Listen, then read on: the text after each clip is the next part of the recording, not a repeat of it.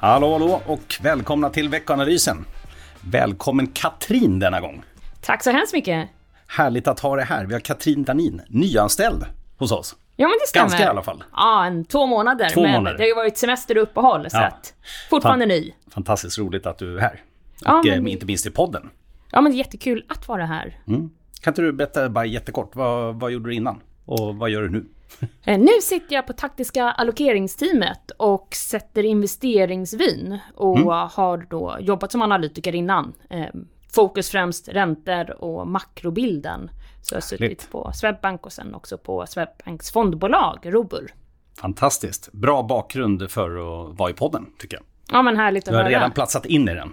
Skönt att man klarade första kvaliterings... Eller kriteriet, så att säga. Ja, Kvalade in. härligt. Har du gjort något spännande på sommaren då? Kunde du vara ledigt något eller kände du att du måste komma in i jobbet?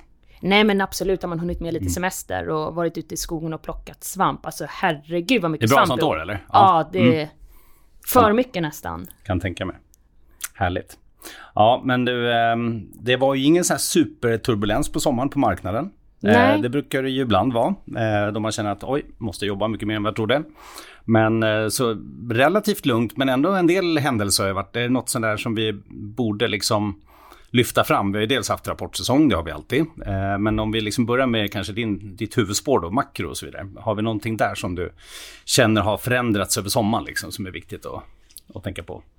Ja, men den roligaste siffran har nästan varit amerikanska inflationen och inte den senaste då utan den näst senaste Mhm. där i juni som kom in lägre än vad alla hade räknat med och det fick faktiskt lite rörelse på marknaden och inte minst då i Sverige där vi faktiskt såg att kronan stärktes. Nu är den i och för sig då tillbaka på svaga Mm. nivåer igen men det fick effekt både liksom med omprisning på vad man kan förvänta sig för liksom eh, att centralbankerna ska göra men också då lite marknadsrörelse på det.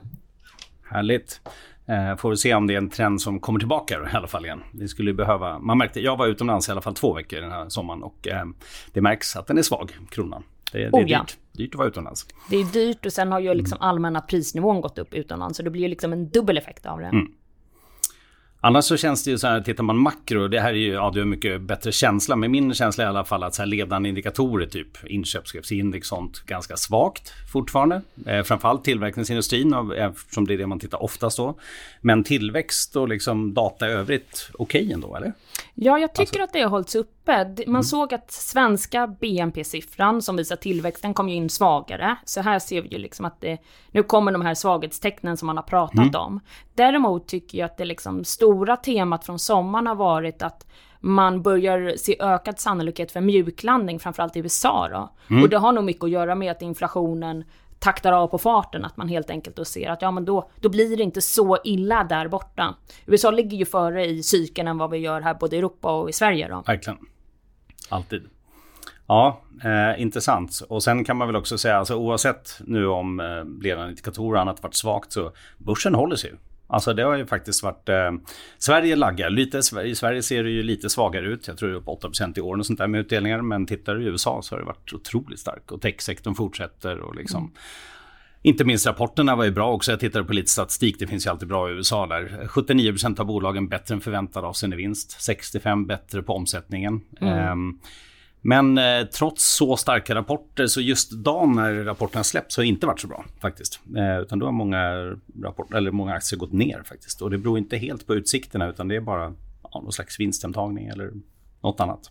Ehm, så i USA mäter man ju också hur man guidar och så vidare utsikter och det, det har varit i linje med storsnitt faktiskt. Ja, och guidningarna eller liksom estimaten för hösten är ju att det nu ska liksom vända uppåt och bli positiva vinstestimat så att säga. Och att helåret i USA då ändå ligger på 0%. Så att mm, där är ju bedömningen att det bottnade här under Q2. Ja, absolut. Ja, vi får se. Det är, tycker det finns utrymme för att det ska fortsätta att se ganska bra ut ändå. Men vi, vi får se. Utsikten är väl dock lite dämpade mer här på Norden. Känns det som när man har tittat vissa bolag, eh, lite cykliska sådana, var lite försiktiga i framtidsutsikterna. Det kan ju vara att de inte riktigt vågar ta i för mycket och därför liksom antyder eh, ja, en lite mer återhållsam, så att säga, eh, liksom, syn på efterfrågan och så framgent då. Ja, tycker liksom, alltså egentligen när man läser kommentarer kring rapporter så är det ofta så att det, det är mer försiktigt än vad det behöver vara ibland. Men, ja, ja, det, men absolut. det hör väl till, liksom att inte höja förväntningarna för mycket. Och det rimmar ju precis med det du inledde med att säga, mm. nämligen att det var väldigt många som slog förväntningarna och ja. att det liksom, nu Exakt. när vi närmar oss slutet av rapportsäsongen, att det ändå har sett väldigt bra ut. Ja, så är det verkligen. Ja, spännande. Eh, jag tänker så här, tiden går ju fort alltid när vi kör den här podden. Du har inte varit med så mycket så du vet inte om det. Men eh, jag tänker vi hoppar in lite grann direkt i liksom, vad är det viktiga egentligen för börsen just nu och sådär. Eh, ja, och nu, är det precis, nu har vi inte haft podden här på ett tag så det är väl ganska många saker att hålla koll på liksom, om man blickar framåt. Men om vi tittar på den här veckan, för vi är faktiskt redan tillbaka nästa vecka igen. Så om vi bara tittar nu då. Eh, då är det ju ett par saker som eh, ja, du har lyft fram i, i den här veckanalysen. Då, och då är det ju bland annat eh, Kina-data som är svag.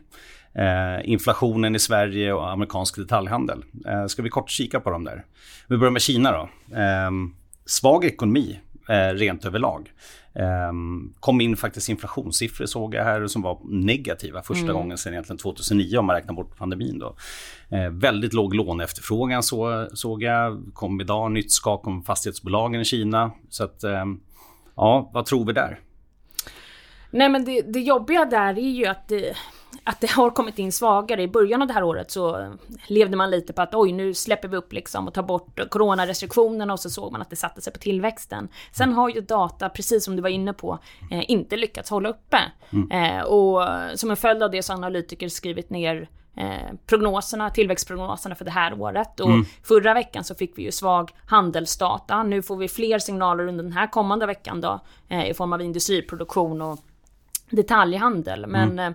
Risken är ju att det pekar, fortsätter peka åt det svaga hållet. Och mm. Kina är ju en viktig tillväxtmotor för omvärlden.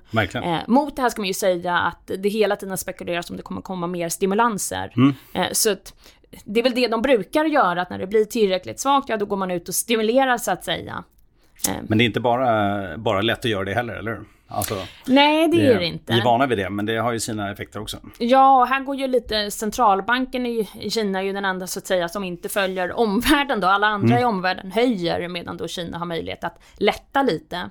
Eh, så att någonting kan komma och det spekuleras kring det. Jag, mm. jag tror inte liksom på en liksom jättedåliga tal i Kina, men mm. det som ligger i förväntansbilden är ju att de inte riktigt lyckas leverera. Och det är ju det som har satt sig då mm. på att folk har skruvat ner makroprognoserna. Mm. Ja, det där, jag tycker det är lite knepigt med kinesisk data allmänt. För förut så var det ju verkligen, när man tittade så var ju kinesisk data alltså otroligt stabilt. Det var ju nästan som man trodde att det kanske inte är liksom riktigt, utan man faktiskt bara lägger mm. det på en viss nivå. Så, men sista åren har det varit ganska volatilt. Liksom. Alltså om du tar till exempel ja. detaljhandel i industriproduktion, det har liksom varit väldigt svängigt. Liksom. Så att eh, frågan är också om man ändrar lite beräkningsmetod, har man liksom, ja, jag tycker i alla fall det är otroligt svårtolkat. Ja, men Kina-data är svårtolkat så att mm. säga och ofta vill de ju ligga väldigt nära. De sätter ju sådana tillväxtmål mm. eh, också som de ofta då hamnar väldigt Exakt. spot on och väldigt nära. Eh, så jag förstår dina frågor så att säga. Ja. Eh, men den är svårtolkad just därför. Men det är mm. klart, alldeles oavsett om man kan lita på datan eller inte så är det en viktig eh, exportmarknad. Så att det som händer i Kina påverkar Europa väldigt mycket. Det är stort handelsflöde mellan inte minst Tyskland, Kina och Europa generellt. Då. Men det är ju även oerhört viktigt för de andra asiatiska länderna i närområdet kring Kina. Och, mm. Så det som händer där får betydelse även för liksom, Sydostasien och så vidare. Verkligen, verkligen. Eh, om vi släpper Kina lite då. Eh, Sverige, rätt intressant. Där har vi ju har vi en höjning kvar i Riksbanken. Eller har vi två? Ja, det står och väger precis där. Det, är precis den frågan jag brottas med. En och en halv kanske? Ja, men någonstans där. Du, du har definitivt en här i september. Ja. Eh, och jag tror att det blir väldigt viktigt här också vad ECB, hur mycket, liksom, hur mycket mm. mer kommer från ECB, Europeiska centralbanken. Blir det en höjning till eller? Eh, även där började de ju nu så att säga vackla lite kändes det som, mm. gav lite mer balanserad syn vid senaste räntemötet. Mm. Så att Riksbanken, minst en skulle jag säga. Minst en. Och då kommer inflationssiffran den här veckan, som ju ja. självklart har en påverkan också. Vad, vad räknas med då? Vad tror vi? Ganska lite, jag på säga. Jag tror mm. att det är en julisiffra, den kommer nog vara ganska lik förra utfallet. Eh, det som jag tror det kommer bli mycket diskussion om är flygpriserna. Mm. Eh, helt enkelt en, en liksom har att göra med hur, hur konsumtionskorgen ser ut. Mm. Men jag tycker egentligen att höstsiffrorna är mer intressanta. Det är då som liksom förväntansbilden ligger i att inflationen kommer att komma ner. Mm. Eh, så att eh, det kommer bli intressant att se om vi får den här... Lite på grund av jämförelsetal och så. Höga så liksom- jämförelsetal, liksom, mm. inte minst. Ja. Så, att, så, så räkna med en få... siffra, ja, men som nu marknadsförväntningen är på 6,5 nu. Det är någonstans ja. där. Blir det 6,4 eller 6,6? Alltså det är kanske ingen katastrof. Men positivt själv om det avviker väldigt mycket negativt då. Ja, absolut. Mm. Men fortfarande höga tal. Fortfarande höga mm. tal och de borde komma ner under höstmånaden yep. med start redan här i augusti skulle jag tro. Och det är precis det du säger att det har att göra med att du har höga jämförelser från fjolåret som kommer mm. trycka ner nu siffrorna under hösten.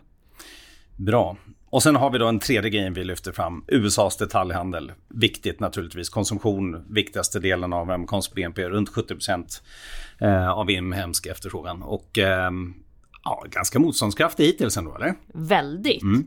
Eh, väldigt stark amerikansk arbetsmarknad ja. som gör att ja, och hushållen börs. kan, ja och börsen ja, också. Det, som gör att de kan fortsätta konsumera. Ja, och det är väl liksom så länge inte bostadsmarknaden viker för kraftigt eh, och framförallt om du inte behöver köpa nytt hus eller någonting så, så har du ganska bra konsumtionsutrymme ändå. Ja, och eh, så länge du har ett jobb så, mm. och där har vi ju sett liksom en god lönetillväxt. Mm. Så att, och börjar du få vikande inflation, då får du ju till och med mm. reallöner som eh, liksom kan stödja konsumtionen. Så Exakt. att eh, där har det ja. varit motståndskraftigt. Spännande. Mycket viktig data helt enkelt den här veckan. Ehm, så, så det blir lite, ja, lite av varje kan man väl säga. Ja, men ehm. lite för alla. Det är exakt, lite för alla. Eh, men man kan väl säga allmänt att nu, nu, blir, nu tar data fart. Liksom. Nu kommer det komma mycket liksom, makrotungt och gissningsvis så kommer börsen också vara kanske lite mer makrostyrd just nu när rapportsäsongen är över. Så får vi se, liksom, givet att det håller upp enligt förväntningarna så kanske vi ligger rätt bra i. Alltså om vi ska få stöd till börsen så är det bra om vi liksom får bra data även från makro, inte bara från bolagen. Ja men precis, nu blir det ju lite upp till bevis liksom att se att ja. Eh, makrodatan levererar som börsen har trott. Ofta Exakt. ligger ju börsen ett antal månader före. Ja, så är det. Eh, någonting övrigt, jag tänker bara om vi tittar då, vi nämnde ju bolagen, rapportsäsongen är ju i princip över. Det kommer några bolag den här veckan. Vi har på torsdag till exempel Embracer Nibe, men det är ju, ja, eh, börjar det bli mindre bolag bland de stora är det i princip klart. Det som kan vara värt att nämna förra veckan som vi faktiskt inte har pratat om, det var ju en riktig eh, grym rapport måste man ändå säga från Novo Nordisk. Och det här är ju en, ja, faktiskt numera Europas näst största aktie. Vet du vilken som är störst? Pass! Jag känner att Pass. felsidan är för stor. Fel. Helt okej. Det är faktiskt LVMH. Alltså, och så pass? Ja, eh, så att, eh, men nu är Novo Nordisk näst störst. Och det går ju som tåget. Alltså, jag tror aktien var upp 19% på rapporten. De höjde prognosen ordentligt. De har ju en ny sån här eh, ja, aktie mot, äh, aktie mot, nytt läkemedel mot fetma som heter Vegovi. Eh, och det här är ju alltså Ja, man tänker att det är ett läkemedel av många, men det här står för närmare 20 av omsättningen och det var liksom 2021 så var det 4 av omsättningen. Eh, bara Vegovi eh, omsatte under kvartalet nästan 8 miljarder. Så att det, det här ju, går ju enormt starkt. Eh, så, och vi gläds ju naturligtvis åt Novo Nordisk för att det här är någonting som vi har i vår eh, nordiska aktieportfölj och något som vi rekommenderar. Och då är det extra kul, självklart. Men eh, håll koll på Novo Nordisk framöver. Mm, det, de är större än... Hälsa är, är den stora megatrenden som håller i. Större än danska BNP eh, noterade jag. Absolut. Så det Så säger ju något om bolaget. Ja, jättebolag. Så. Ehm, och utöver det som sagt så är det ganska tunt. Det är i princip inga utdelningar, det är nästan inga stämmor. Det är väldigt tunt på bolagshändelser. Och makrohändelserna har vi pratat om en del. Det kommer några få grejer till. Eller det kommer alltid ganska mycket makrodata. Vi har Philly Fed-index till exempel. Vi har EMU, BNP. Inget vi behöver gå in i detalj så, men ehm, ja, eh, Fed-protokoll kommer på onsdag. Kan vara intressant att se. Eh, är man klar eller vad tror du?